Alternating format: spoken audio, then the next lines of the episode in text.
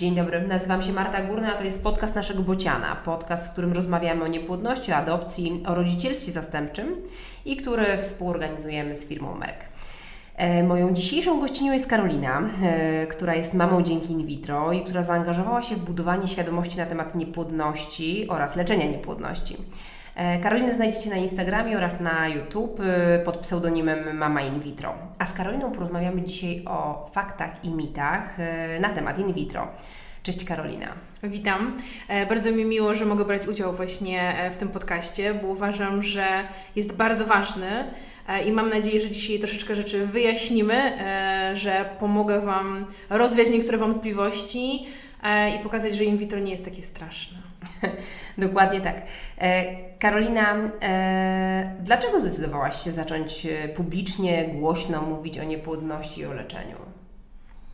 Powodów było kilka, ale tak naprawdę główny to to, że szukałam, szukałam wsparcia w momencie, kiedy ja się leczyłam. I mm, szukałam kogoś, kto swoją twarzą przede wszystkim i osobą pokaże mi, że okej, okay, przeszłam przez to, mam dziecko, wygląda to tak, nie bój się, dasz radę, będzie dobrze. I to była moja główna motywacja, ponieważ szukałam e, głównie na YouTube filmików, wideo podobnych do tych, które są robione w Stanach. Znalazłam tylko takie, które było właśnie w Stanach. Natomiast tamte procedury może nie różnią się aż tak bardzo, natomiast e, sam fakt tego, że na przykład w klinice bardzo często może towarzyszyć nam partner. W Polsce tak absolutnie nie jest, tak? I chciałam, żeby ktoś w Polsce mi powiedział, Karolina, może nawet nie imiennie, ale generalnie przemówił do mnie, i wytłumaczył mi właśnie, jak wygląda nawet taka punkcja, tak, której się panicznie bałam. E, bo nigdy w życiu nie byłam um, znieczulona, tak? I, I myślałam sobie, że to jest coś, że w ogóle się nie wybudzę na pewno, że to jest coś, to jest strasznego. I szukałam i stwierdziłam, ok, ja potem przez to przeszłam i teraz ja będę opowiadać o tym, tym, które się po prostu tak samo boją jak ja. Mhm. Spoglądając na statystyki, masz licznych obserwatorów, wiele osób komentuje to, co robisz. E, to, co robisz, jest potrzebne. Bardzo, bardzo naprawdę. I e, im dłużej to, to robię, tym bardziej e, wierzę w to, że mm, takie podcasty, mm, nasz bocian, każda, absolutnie każda jedna osoba, która mówi głośno o niepłodności, jest, jest cegiełką, która buduje właśnie ogromny mm, ogromny taki fundament pod, pod takie kolejne nawet po, pokolenia, tak? E, mhm. Kobiet, mężczyzn, którzy będą się, będą się na, na, na milion procent zmagać z niepłodnością, e, bo to nie jest choroba, która, która nie będzie dotyczyła już nigdy nikogo. Nie, to jest, to jest choroba, która będzie dotyczyła coraz większej ilości osób, tym bardziej mężczyzn, z czego sobie mało kto zdaje w ogóle sprawę. Więc e, każda jedna osoba, która o tym mówi, wydaje mi się, pomaga kolejnym nawet pokoleniom. To, to aż tak daleko idzie po prostu. Mhm. To mówienie wydaje się być też e, o tyle istotne, że żyjemy w takim miejscu na świecie, w którym wokół in vitro e, toczy się bardzo trudna dyskusja. Dyskusja, która zamiast być medyczną, jest dyskusją światopoglądową, dyskusja, w której często uczestniczą osoby tak naprawdę niewiele wiedzące na temat niepłodności, leczenia tak, in vitro. Zdecydowanie tak. A, I to właśnie dlatego wokół in vitro narastają e, liczne mity i to z nimi chcielibyśmy się tutaj dzisiaj, chciałybyśmy właściwie się rozprawić. Tak. A, masz jakiś taki swój, e, powiem przewrotnie, ulubiony? Jest ich kilka. ale tak, e, taki, taka, taka śmietanka, gdybym miała wybrać e, jakieś bzdury, bo to są bzdury totalne, um, które są powielane przez osoby nie mające nigdy w życiu kontakt nawet z osobą, która przeszła przez in vitro, to jest właśnie to, że my sobie na przykład wybieramy płeć dziecka, wybieramy sobie w ogóle kolor włosów dziecka, że my decydujemy tak naprawdę, gdzieś tam grzebiemy w ogóle w tej, w tej genetyce um, i że to jest taka fanaberia właśnie ludzi bogatych. Mhm. To jest, to, to jest tak, tak wydaje mi się taka wisienka pośród naprawdę wielu, bo tak jak mówię, no jest tego mnóstwo, Natomiast w Polsce absolutnie nie ma takiej możliwości, żeby ktokolwiek wybierał, wybierał płeć. Mhm. Oczywiście zdarzają się sytuacje, gdzie kobiety przez swoje choroby genetyczne na przykład, tak, czy też generalnie para, która ma jakieś problemy genetyczne, ma badane zarodki. I jeżeli okaże się, że, choroba, że kobieta przenosi jakąś chorobę, że dziecko może mieć, e, może mieć przenoszoną chorobę właśnie ze względu na płeć, jakąś płeć konkretną, czy to jest dziewczynka, czy to jest chłopczyk, to wtedy faktycznie jest dozwolone powiedzmy sobie wybieranie, tak? Mhm. Ale to nawet nie można nazwać wyborem, ponieważ jesteśmy skazani tak naprawdę na jedną konkretną płeć, bo w przeciwnym wypadku to dziecko z kolei byłoby skazane na na ciężką chorobę. Na ciężką chorobę, dokładnie, albo na śmierć. Więc jakby to nie jest wybór ani fanaberia. Nie mieszkamy, nie żyjemy w Stanach, bo wiem, że w Stanach na przykład można, można dokonywać takiego wyboru, czy ma to być dziewczynka czy chłopiec, w zależności od tego, jakie mamy zarodki. Tam jest taka możliwość, tak? Ale jeżeli mówimy o Polsce, absolutnie w ogóle nie. To totalnie w ogóle nie. Za żadne pieniądze, za żadną dopłatą nie ma takiej możliwości. Ja to potwierdzę i potwierdza to ustawa o leczeniu niepłodności, która jasno wskazuje, że diagnostyka preimplantacyjna służy tylko i wyłącznie e, diagnostyce pod kątem chorób genetycznych E, a selekcji płci e, można e, dokonać wyłącznie wówczas, kiedy choroba genetyczna, którą przenoszą rodzice, dotyka tylko i wyłącznie jednej płci. Karolina, czy podczas in vitro niszczy się nadliczbowe zarodki? Bo to jest taki mit, który chyba jest, mm, no, jeżeli nie najczęściej, to bardzo często powielany, że te zarodki są wylewane do zlewu, tak? To bardzo często słyszymy, że one są wylewane do zlewu. Czy tak to rzeczywiście jest? Tak, ja żałuję, że ten podcast nie ma wideo, bo teraz widać, jak przekręcam oczami, jak wykręcam po prostu je, jak tylko mogę. E, jest to taka kolejna, gdzieś powielana niestety bzdura. E, nigdy w życiu, absolutnie, żadna klinika nie pozwoliłaby sobie na zrobienie czegoś takiego. Tak jak mówię, mm, w, w, jeżeli chodzi w ogóle o, o, hodowlę, bo tak to się niestety nazywa, no nikt nie mhm. wymyślił jeszcze żadnego takiego ładniejszego sformułowania chyba, tak mi się wydaje przynajmniej, popraw mnie, jeżeli się mylę. Wokół hodowli i w ogóle wokół zarodków urosło tyle mitów, właśnie między innymi o niszczeniu tych zarodków. Prawda jest taka, że podczas hodowli, ja nie jestem lekarzem, więc tylko mówię jakby ze swojej gdzieś tam perspektywy, doświadczenia i, i z tego, co, co słuchałam od embryologów czy od lekarzy. Podczas hodowli um, po to hoduje się te zarodki, żeby zobaczyć, jak one są w stanie się rozwinąć i jak później, jakie one później mają szanse, żeby faktycznie przetrwać u kobiety. Mhm. Um, Im dłużej prowadzimy hodowlę, tym więcej mamy informacji na temat danego zarodka. Nie każdy zarodek będzie, mm, będzie w stanie jakby dotrzy, dotrzeć do tego trzeciego dnia, czy do piątego, szóstego. I to nie jest absolutnie y, weryfikacja embriologa, tak, który ma być dalej hodowany czy nie, tylko po prostu same zarodki nie rozwijają się dalej. One mają, bądź też nie mają tego potencjału. Zresztą, Dokładnie. Powiedzmy, e, bo to jest istotne, że to samo dzieje się e, przy e, spontanicznej próbie poczęcia no tak, dziecka. oczywiście. Nie po każdym stosunku zachodzimy w ciążę, no nie. ale to wcale nie znaczy, że nie powstaje zarodek, bo czasami zarodek tak. powstaje, tak. ale właśnie nie ma potencjału, nie rozwija się, Dokładnie nie daje tak. ciąży. Dokładnie tak. Tutaj mhm. w tym momencie jest to bardzo monitorowane przez każdego embriologa, tak? Są określone procedury, jak często się monitoruje, w jaki sposób się określa. Jakby parametrów jest bardzo dużo, natomiast najważniejsze jest to, że to wszystko dzieje się naturalnie. Jakkolwiek mm. sama procedura wydaje się może dla, nie, dla niektórych nienaturalna, tak to wszystko dzieje się naturalnie. I ja też bardzo często właśnie słyszę, że, e, że właśnie, że te zarodki, że to jest takie wybieranie, selekcja. Jeżeli, jeżeli mamy to ogromne szczęście, że mamy więcej niż jeden zarodek, który się nadaje do, mm, do transferu, bo bywa tak, że, że jest zero, mhm. bywa tak, że jest jeden, ten szczęśliwy, bywa tak, że jest ich na przykład dziesięć, tak? Że faktycznie potem wybieramy na podstawie tych parametrów, które były podczas gdzieś e, też hodowli, wybieramy, który podać ale to, to w żaden sposób nie można nazwać wybieraniem, e, niszczeniem i mhm. no, no nie, kompletnie no bzdura, po prostu bzdura. Tutaj ta ważna informacja jest taka, że rzeczywiście embriolog e, w porozumieniu z lekarzem może decydować, który zarodek podamy e, jako pierwszy, w pierwszej kolejności, natomiast e, to nie oznacza, że kolejne będą zniszczone. Nie. I tutaj znowu polskie prawo mówi bardzo jasno, że każdy zarodek, który ma potencjał do rozwoju, e, musi być transferowany. W związku z tym te zarodki e, wszystkie będą e, finalnie transferowane e, z szansą na to, że będzie z nich ciąża i urodzi się dziecko. Tak, tu jeszcze e, ja dodam, że w moim przypadku akurat e, nie mieliśmy transferowanego zarodka, zarodków tak naprawdę dwóch, ponieważ za pierwszym razem były to dwa. Nie był to transfer świeży, czyli od razu po hodowli um, mieliśmy zamrażane zarodki i Kiara, która, która jest naszą córką, która ma teraz 3 lata, ona właśnie jest z tego transferu mrożonych zarodków. Ona praktycznie 3 miesiące była zamrożonym zarodkiem e, trzydniowym mm, i wiem też na przykład, że, e, że bardzo często tego się też Mm, niektóre pary obawiają, tak? Że, że zostanie to zamrożone i nie wiadomo, co z tym potem będzie. To ja mam kolejne no. pytanie. Tak. Czy podczas in vitro zamraża się dzieci? E, po raz kolejny, szkoda, że nie nagrywamy wideo. E, w każdym razie e, nie, nie, inaczej, może powiem tak.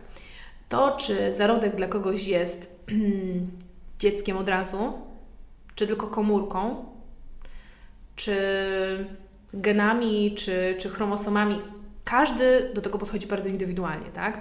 Dla kogoś może to być faktycznie dziecko, tak? To jest moje dziecko. Zarodek to jest moje dziecko, tak? Natomiast, no nie, jakby nie, nie zamrażamy dzieci. To, to, to, to totalnie w ogóle, no nie, z medycznego punktu widzenia to, jest, to są komórki, które się rozwinęły, które można transferować, ale to, to to z medycznego punktu widzenia no, nie są dzieci. Po, mhm. prostu, po prostu nie, tak? Ale tak jak mówię, ja bardzo szanuję też osoby, które mm, już na tym takim wczesnym etapie, tak? Nawet w tej pierwszej dobie hodowli, jakby uważają, że to są ich dzieci. Z tej perspektywy, no tak, natomiast z medycznego punktu widzenia nie, nie, absolutnie, jeszcze raz nie, po prostu mhm. nie. Tylko wiesz, ja myślę, że ten mit jest wzmacniany e, tymi grafikami, które często towarzyszą publikacjom dotyczącym in vitro. Eee, taka szklana probówka z, z takim bobaskiem w środku, na pewno no. kojarzysz, wszyscy kojarzymy. Tak. E, I one wzmacniają te przekazy, prawda? Tak, ale to, że ktoś e, kiedyś zrobił taką grafikę, nie znaczy, że, że, że cokolwiek to ma wspólnego z prawdą. I, i jakby naprawdę wprowadzanie ludzi w błąd, tak samo e, publikując e, plakaty antyaborcyjne, to, to jest jakby na tej samej zasadzie, tak? Dla mnie wprowadzanie w błąd właśnie jest, no powinno być karalne po prostu, tak? Mhm. To jest absolutnie w ogóle niedopuszczalne. To, to w żadnej innej dziedzinie tak naprawdę nie spotkałam się z czymś takim. Nie. Jakby nie znam chyba dziedziny medycyny i, i chorób, gdzie ktoś tak, tak bardzo manipuluje faktami. Tak, mhm. tak bardzo manipuluje pod siebie faktami. Nie przypominam sobie, tak? I nie znam też drugiej dziedziny gdzieś tam w medycynie e, jakby chorób, tak, którym e, akurat niepłodność jest chorobą. Mam nadzieję, że wszyscy słuchający o tym wiedzą, a jeżeli nie, to powtarzamy, że to jest choroba, to nie jest wymysł e, niczyj, że jakby ta, ta, ta niepłodność też nie jest tak bardzo napiętnowana i tak mało dofinansowana, jak pozostałe choroby, jak, jak leczenie pozostałych chorób. Tak mi się wydaje. Mhm. Kiedyś się nad tym naprawdę zastanawiałam, czy jest coś takiego, czy jest jakaś taka druga jednostka chorobowa, która aż takie wzbudza emocje negatywne, albo jest tyle dyskusji na ten temat. Ale wiesz, to e, może dlatego te dyskusje się toczą, że jak słyszymy, in vitro nie leczy niepłodności. No tak jak tak. Naprawdę żałuję, że tu nie siedzicie.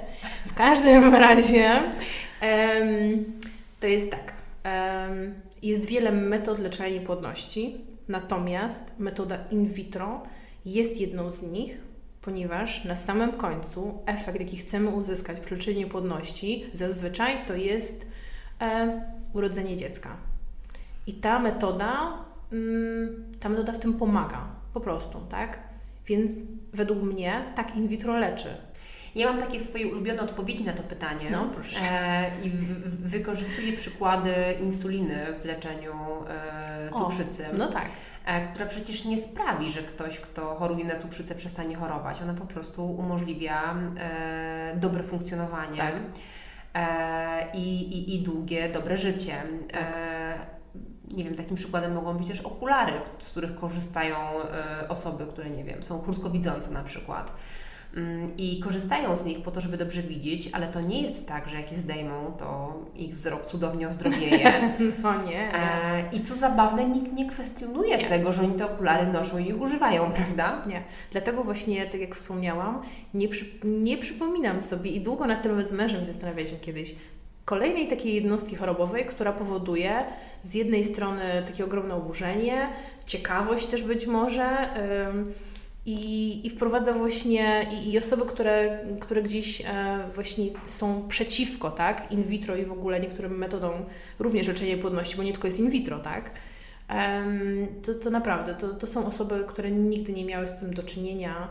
Ja to będę powtarzała chyba do, do śmierci, bo, bo każda osoba, która nawet spotkała się, nie wiem, ma przyjaciółkę, albo przyjaciela, albo znajomych, którzy przez to przeszli, tak naprawdę się interesuje ich życiem, tak? Co się gdzieś tam u nich e, działo i, i jak się czuli albo czują. E, no, nikt nie śmiałby powiedzieć w ogóle niczego na temat e, leczenia płodności. Mhm. Nie, nie sądzę. Nie sądzę, po prostu nie. A już tym bardziej osoby, które przez to przeszły. To jest, e, to jest momentami po prostu piekło. Fizycznie, emocjonalnie. Mm, dokładnie tak. Dokładnie tak. Warto oczywiście na samym końcu zobaczyć swoje dziecko, ale też nie każdy ma zagwarantowane, że to dziecko na samym końcu będzie.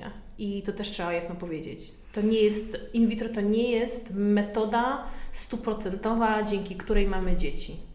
Totalnie nie, chociaż jestem osobą, która na samym początku myślała, że oczywiście, no przecież in vitro, zanim, zanim w ogóle zaczęłam się leczyć, że in vitro, no to przecież wiadomo, no 100 na 100. Jaka jest szansa inna? Mhm. No 100 na 100, skoro przecież tak już się gdzieś tam medycznie wszystko odbywa, no to tak, no Mhm. nie, no bzdura. To, to też tak nie jest, tak? Niejednokrotnie staramy się latami, a na samym końcu mm, nie ma tego dziecka. Mhm. Albo w trakcie naprawdę mamy dość i mówimy stop.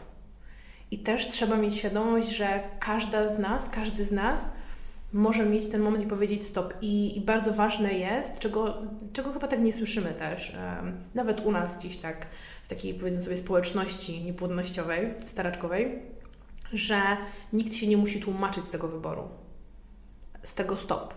Po prostu mam dość. I to nie chodzi o to, że ja potrzebuję kogoś, kto mi powie, nie, no co ty, nie poddawaj się.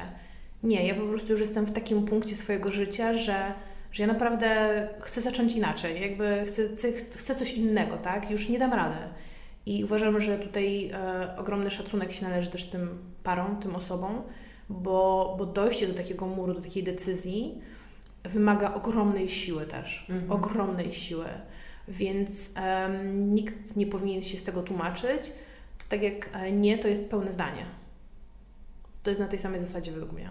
Mhm. Bardzo, bardzo się z Tobą zgadzam. Widzę ogromne emocje. Mm, Wy nie widzicie, ale ja widzę momentami zaszklone oczy, a tymczasem słyszę, że in vitro to droga na skróty i że zamiast szukać przyczyn niepłodności, to my ją obchodzimy i po prostu sobie idziemy na in vitro. Nie, no jasno. Jakby polecam każdemu hiperstymulację. Tak, super świetna rzecz. E, ja akurat miałam hiperstymulację, mm, gdzie nie, nie miałam pojęcia w ogóle, czy, czy naprawdę dosłownie, e, czy mi się uda w ogóle następnego dnia wstać, tak? E, czy w ogóle, czy się obudzę. Bo fizycznie było to tak wykańczające. I, I w tym momencie, jeżeli to jest droga na skróty, okej, to nie wiem jaka jest ta droga taka regularna. Nie, no jakby kol- kolejny raz jakby absolutnie się nie zgadzam. To naprawdę mówią to osoby tylko i wyłącznie te, które nigdy przez to nie przeszły, a droga na skróty nie sądzę, żeby tak jak mówiłam wcześniej, najpierw e, stosunek, który jest kontrolowany oczywiście, jeżeli chodzi o owulację, e, wszystkie możliwe leki dodawane, wszystkie zastrzyki dodawane, każdy żel wspomagający, to nie są skróty.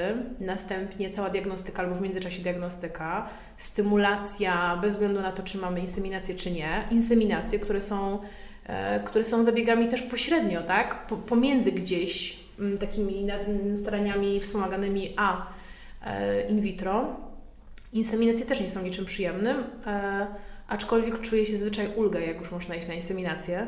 Jak to jest jakby taki moment, że naprawdę nie trzeba z, praktycznie z zegarkiem w ręku em, mieć stosunków, tak? Tylko można iść do kliniki i ktoś po prostu zrobi to, tak?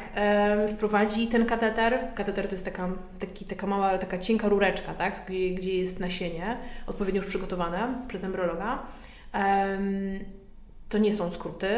Skrótami również nie jest właśnie stymulacja do in vitro, gdzie momentami kobiety wyglądają jakby były w ciąży, ponieważ mają tak nabrzmiały brzuch, tyle jest wody i tyle jest komórek. Ja miałam ponad 30. Jak gdzieś tam przy naszej owulacji standardowej mamy jedną albo dwie. Także punkcja, również skróty, czekanie w niepewności, czy już jest zielone światło na transfer i potem w międzyczasie zastrzyki, oczywiście leki, niejednokrotnie sterydy, to też tak są bardzo duże skróty. A na, na końcu jest taki skrót transfer. Tak, to jest kilka minut faktycznie, zgadzam się, to jest, to jest super ekstra. Um, na samym końcu mamy najgorsze chyba 10-14 dni, w zależności od tego, kto ile wytrzyma, e, do beta-HCG, które decydują o naszym życiu. O naszym życiu takim, czy nasze życie się zmieni, jesteśmy w ciąży, czy to będzie ten dzień, kiedy po tych wszystkich, po tym całym pójściu na skróty, okaże się, że jeszcze raz, tak? Jeszcze raz coś się musi wydarzyć, jeszcze raz będziemy mieć transfer, jeszcze raz zastrzyki, jeszcze raz leki. No tak, myślę, że to są super skróty, które kosztują też w sumie tak nic. O, no tak, to tak, mm. skróty. Zgadzam się. Zgadzam. A jak już tak o pieniądzach rozmawiamy, tak. E, to ja często czytam, że jak kogoś nie stać na in vitro, to no, znaczy, że go tak, nie stać tak, na tak, dziecko. Tak, tak. Tak, tak właśnie. Mm, jasne. E, ja, ja, nawet jakby mi brakuje słów momentami, naprawdę. I to nie tak, że, że ja nie wiem, co mam powiedzieć. Chociaż tak, w takich momentach, e, w takich momentach naprawdę ciężko. Mm, leczenie czegokolwiek wymaga funduszy leczenie niepłodności, ponieważ żyjemy w takim kraju, który, który nie sponsoruje w żaden sposób, nie, do, no, nie mogę powiedzieć nie dofinansowuje, ponieważ dzięki Bogu są samorządy, które dbają o swoich mieszkańców, które mają na to fundusze. Być może też są samorządy, które chciałyby, ale nie mają funduszy i które pomagają e, swoim mieszkańcom właśnie w leczeniu tej choroby, jaką jest niepłodność, i pomagają w tym momencie również e, w finansowaniu procedury. Natomiast nikt, kto zaczyna leczyć niepłodność, nie ma pojęcia, ile to będzie kosztowało. Nikt nie ma pojęcia, jak długo będzie trwało to leczenie. to jest tak naprawdę mm, no, totalna bzdura. Jeżeli e, ktoś myśli, że my sobie jesteśmy w stanie założyć, ile coś będzie właśnie nas kosztowało. Nie, tutaj może kosztować nas, jeżeli pójdzie szybko, tak? Jeżeli wystarczą same wizyty i konsultacje i diagnostyka odpowiednia, gdzieś tam powiedzmy sobie skontrolowanie owulacji, jeżeli ją mamy, bo jeżeli nie, no to zaczynamy kolejną przygodę w zupełnie innym kierunku. To wydaje mi się, że może wydać kilkaset tam, małe tysiąc, a jeżeli mówimy o parach, które przechodzą przez procedurę całą in vitro, po kilka razy, no to w tym momencie mówimy o, o, o, o dziesiątkach tysięcy, tysięcy mm, złotych, tak? Mhm. To są tak ogromne koszty. I jestem ciekawa, czy ktoś na przykład, kto, kto leczy zupełnie, tak jak mówię, inną jakąś jednostkę chorobową, w trakcie leczenia powiedziałby, nie, stop, w ogóle jakby nie. Czy ktoś by mu powiedział nawet, no, powinieneś przewidzieć koszty, tak? Koniec. Mhm. Nie, my się staramy o dziecko. To nie jest, to nie jest coś, co się da w jakikolwiek sposób mierzy, zmierzyć pieniędzmi. To jest coś, co oczywiście blokuje mnóstwo par, ponieważ nie mają tych pieniędzy. Ludzie jeżdżą za granicę, ludzie jeżdżą e, dorabiać, ludzie jeżdżą pomimo mm, jakby wyższych kwalifikacji robić wszystko, żeby tylko zbierać na kolejną procedurę. Jeżeli ktokolwiek nie ma pojęcia, że tak to się odbywa też, to po prostu jest idiotą. Mhm. Tak?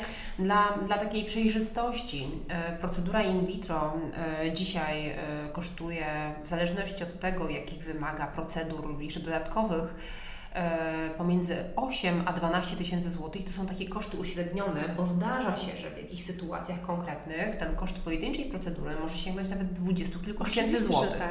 W związku z czym, jeżeli para na przykład w ciągu roku powtarza trzy cykle in vitro, no to w ciągu tegoż roku ten koszt leczenia, plus jakieś dojazdy, leki. czasami noclegi gdzieś w pobliżu kliniki, leki, e, może dochodzić nawet do y, kilkudziesięciu albo nawet Tak. więcej tysięcy złotych. Oczywiście, że tak. Czy dzieci z in vitro różnią się od Czekam. dzieci, które urodziły się e, ze spontanicznej ciąży? Ja właściwie zadałam pytanie, a powinnam była postawić tezę, Tak. że te dzieci się czymś różnią. Różnią się. Różnią się. Mają niezwykle silnych rodziców, zdeterminowanych. Tak, to nas wyróżnia. I te dzieci też. Te dzieci mają e, niebywałe szczęście, że żyją w czasach, gdzie medycyna jest na takim niesamowitym poziomie, że, że są z nami na świecie. Że mogą doświadczyć tej ogromnej miłości, jaką my jesteśmy w stanie dać i przelać na każde dziecko, które się urodziło dzięki in vitro. No ale oprócz tej ogromnej miłości e, jest jeszcze ogromne ryzyko tego, że one e, będą chorowały, dlatego że urodziły się dzięki in vitro. Tak słyszałam właśnie kiedyś od dziewczyny, że, że dzieci po in vitro e, mają spektrum autyzmu, że, że umierają szybko, że mają nowotwory. Ale też mają takie mniejsze dolegliwości w postaci na przykład bruzdy. e, Tak, tak, tak, tak. Moja Kiara na przykład na pewno coś takiego ma. Jeszcze nie widziałam, e, ale ma, ma, e, ma, ma bruzdę, mm, tak jej się świeci w nocy, albo jak kłamie, to tak widać. E, tak, na, na czole to tak ma właśnie. E, nie no, to są, to, to, to w ogóle, ja nie wiem, tak jak mówię, po raz kolejny będę podkreślała, chyba to, będę się powtarzać, może to nudne, ale ktoś, kto nie miał do czynienia z leczeniem niepłodności, z niepłodnością, ktoś, kto nie przepłakał nigdy. Dni, nie jednego dnia, dni, ktoś, kto za każdym razem, ja mówię też na przykład o kobietach, tak? Em, kobieta, która nie rozpaczała, ponieważ po raz kolejny ma plamienie, po raz kolejny ma miesiączkę, em, jakby tego się naprawdę nie da opisać słowami. Nie da się opisać słowami tych emocji, które towarzyszą właśnie staraniom o dziecko. Ponieważ umówmy się, leczenie niepłodności to są starania o dziecko. Em, tutaj nie ma żadnych kosztów, em, nie ma żadnej granicy na te koszty, tutaj nie ma absolutnie momentami logiki żadnej, tak? Po prostu jest też ogrom emocji, które są z tym związane. I, i wydaje mi się, że, że ten aspekt też gdzieś umyka momentami i skupiamy się też bardzo na medycynie. A, a ogromny jest ciężar taki na naszej psychice i to zostaje. Bez względu na to, czy, czy już masz dziecko, czy, czy, czy nie, jakby zawsze to zostanie. Jakby to leczenie, wystarczy, że ktoś wspomni em, o tym, że, że się leczy albo że poronił. Ty doskonale wiesz, bo, bo prawdopodobnie jakby mm, przeszłaś przez to, przesz, przeszliście, tak? E, Mhm. Przez to e, gdzieś z partnerem, z partnerką. To, to, to jest, e, to jest nie, nie da się tego po prostu opisać słowami, co się dzieje w trakcie leczenia niepłodności. I każda osoba, która, która gdzieś powiela właśnie takie bzdury, albo która mm, nie masz nic miłego do powiedzenia, to się po prostu nie odzywaj. O, może tak. O. A ja jeszcze dla formalności dodam, bo czasami dla formalności pozwalam sobie coś dodać e, dzisiaj, że e, są badania, które wskazują na to, że ryzyko pewnych chorób u dzieci urodzonych e, na skutek in vitro jest o jakieś setne procenta słabo policzalne, wręcz Mhm. większe niż u dzieci poczętych spontanicznie. Ale jest y, absolutnie udowodnione, że to ryzyko y, nie jest wynikiem procedury in vitro, tylko jest wynikiem niepłodności Mhm. rodziców.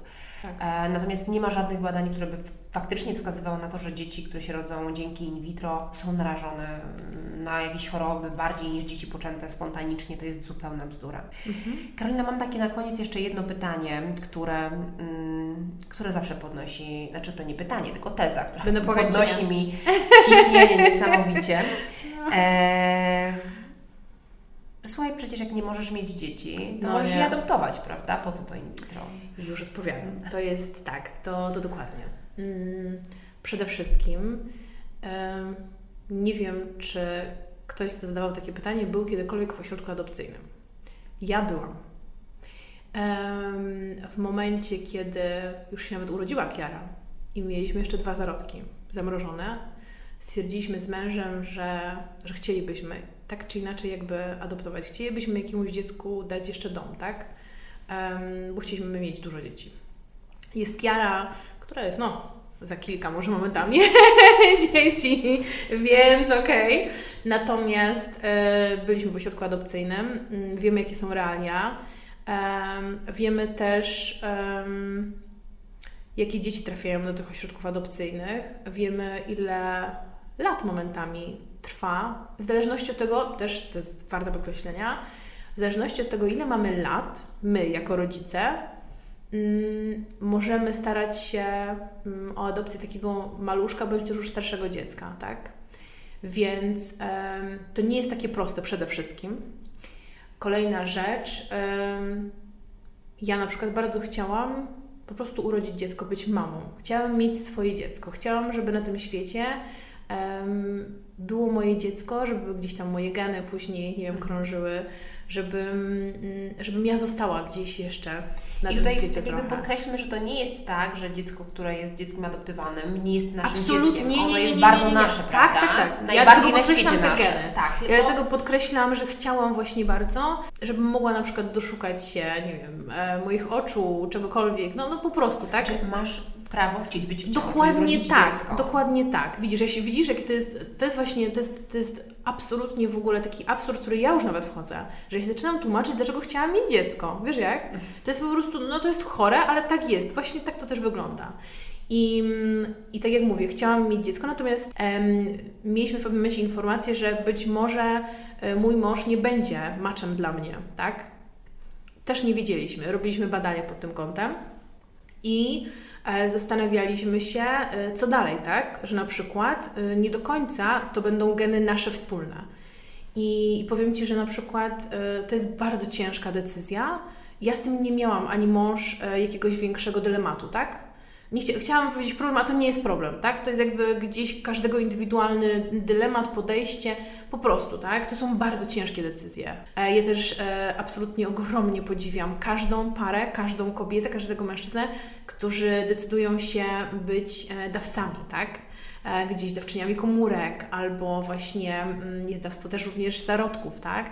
Więc ja, ja podziwiam i, i z drugiej strony um, też to jest, to jest szalenie ważne, żeby podkreślać, że dzięki tym osobom um, jest tu mnóstwo też dzieci na świecie.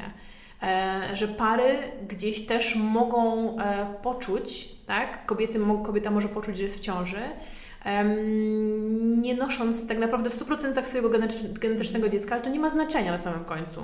Bo, bo mam prawo chcieć być w Dokładnie, ciąży. dokładnie tak, dokładnie tak, więc tak jak mówię, no, każde pytanie związane z tym, dlaczego, dlaczego in vitro albo dlaczego nie adopcja, niech każdy robi tak, jak uważa.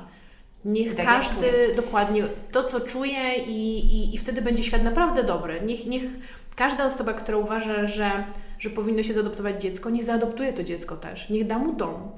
I, i wydaje mi się właśnie, że Mm, że musimy zacząć powoli, nawet ja widzę po sobie bardzo często, jakby no, nie tłumaczyć się z każdego elementu, z każdego wyboru, bo to jest nasze życie też, tak? I, I to jest bardzo ważne, żeby nie wchodzić nikomu z butami do tego życia i żeby też szanować te decyzje, które podejmujemy. Po prostu wspierać. nic nie trzeba mówić, można się nie zgadzać. Ja to też szanuję, tak? Nie musimy się zgadzać w 100% ze wszystkim nie zgadzasz się? Okej, okay, Twoja sprawa, ale pozwól mi zrobić to, co ja chcę, to, co ja uważam, e, że będzie dla mnie, dla mojej rodziny e, dobre, po prostu. Mhm. I to jest takie miejsce, w którym chciałoby się postawić kropkę, bo ono pięknie zamyka tą naszą rozmowę, ale ja wtrącę znowu swoje trzy grosze i powiem o tym, jak wyglądają liczby i statystyki. Mhm. E, w Polsce zawiązuje się rocznie około 3000 adopcji, e, bo niestety tylko tyle dzieci jest wolnych prawnie mhm. E, możliwych do adopcji, natomiast mamy mm, około 1,5 miliona niepłodnych par, z których rocznie około 25 tysięcy potrzebuje in vitro. Mhm.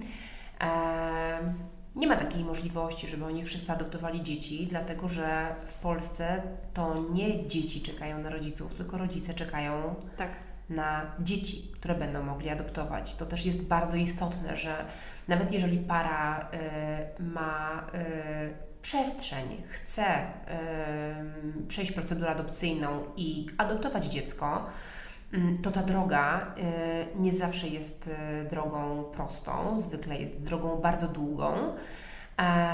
I tak jak mówię, to rodzice czekają na dzieci, mhm. a nie dzieci na rodziców. Tak, tak. tak wygląda nasza polska rzeczywistość. I zgadzam się z tym. I jeszcze pamiętam, jak e, u Was też e, na, na naszym bocianie była taka informacja. Ja polecam każdemu, kto, kto w ogóle coś o adopcji chce wiedzieć więcej, jak to wygląda w Polsce, piecze e, posłuchanie tego. Mhm. Mm, jakie są realia w Polsce. Tak, to e, i, o, i, i o rodzicielstwie zastępczym tak. świetny e, Genialny, świetny po prostu serial. genialny materiał. Genialny, tak? I, i wydaje mi się właśnie, że, mm, że to pokazuje też, tak? Jak, jakie mamy ogromne problemy w Polsce, jeżeli chodzi właśnie o adopcję dzieci, bo jest mnóstwo par, które tylko czekają, które które przyjęłyby z otwartymi ramionami, a z sercami to ja już w ogóle nie mówię, tak? To po prostu, to, to, to, to jest, to, to wiadomo, tak? Um, takie dzieciaczki, tak? Młodsze, starsze, to, to też nie jest tak, że każdy chce mieć noworodka. To też jak kolejna bzdura w ogóle. Tak. Um, nie, właśnie nie. To nie jest tak, że wszyscy czekają na takiego, takiego małego dzidziusia, e, takiego dopiero urodzonego. Absolutnie nie. Po prostu jest naprawdę ogromny problem. To nie jest, to nie jest 10... Ja pamiętam, jak my byliśmy właśnie w ośrodku adopcyjnym tutaj w Katowicach i nam Pani powiedziała, że 10-20 lat temu zupełnie było inaczej. Po prostu były dzieci... Było mnóstwo dzieci do adopcji. W tej chwili jest ich o wiele mniej, a jeżeli już są, to to są właśnie albo nieuregulowane też do końca sprawy prawne, ponieważ to są rodziny gdzieś, które nie do końca dbały o te dzieci, albo te dzieci są e, niestety z jakimiś chorobami takimi związane właśnie z chorobą alkoholową rodziców, tak? To są, to są ogromne, ogromne problemy i też, i też według mnie nie wolno absolutnie oczekiwać od każdego rodzica, który chce mieć dziecko dzięki adopcji również, że podejmie się adopcji każdego dziecka. Nie. Trzeba mieć ogromną świadomość, że to jest życie ludzkie. Trzeba mieć ogromną również odpowiedzialność za to, że to życie bierzemy jakby razem ze sobą i, i że wychowujemy to dziecko, tak? Że my nie oddajemy tego dziecka, bo nagle będą problemy, które nas przerastają. To, to tak nie działa po prostu. To nie jest sklep. I, I w tym momencie również ja się spotkałam z taką oceną, akurat nie, nie w moim kierunku, że no tak, że w ogóle te dzieci, tych dzieci nie chce. To w ogóle jakby komu jest decydować, jakby czy ja jestem w stanie podołać, czy nie na przykład momentami, Sprostać, tak? oczywiście. O, to, to jakby trzeba sobie też naprawdę do tego podejść odpowiedzialnie i uważam, że odpowiedzialną decyzją jest to, że ktoś faktycznie w 100% świadomie podejmuje właśnie te decyzje, tak? I, i tak jak mówię, każdy, każdy rodzic, e, każdy, każda kobieta, każdy mężczyzna, każda para, która stara się o dziecko, mm, leczy niepłodność, każda para, która też adoptuje mm, dzieci, ja Was serdecznie po prostu wszystkich pozdrawiam i podziwiam i, i wszyscy jesteście naprawdę ogromnie silni. Nawet sobie nie zdajecie sprawy z tego, jaką macie w sobie e, moc i ile szczęścia mają e, Wasze przyszłe dzieci, bądź te dzieci, które już są z Wami na świecie. Naprawdę tak. E, Karolina, bardzo Ci dziękuję za to spotkanie. Bardzo Na koniec garść y, informacji. E, serial Piecza, o którym wspomniała Karolina, znajdziecie w podcastach TOK FM. E, Karolinę znajdziecie na kanale YouTube i na Instagramie jako Mama In Vitro. E, nas znajdziecie zawsze na naszej stronie internetowej, ale też w mediach społecznościowych, podcasty Bociana na Spotify'u i na naszej stronie naszmyślnikbocian.pl. Bądźcie z nami jak najczęściej, słuchajcie. Karolina, raz jeszcze pięknie dziękuję. To ja bardzo dziękuję i, naprawdę jesteście niesamowici. To tak powtarzacie sobie to każdego dnia. Absolutnie każdego dnia. Po prostu każdego dnia. Każdego dnia. Do usłyszenia.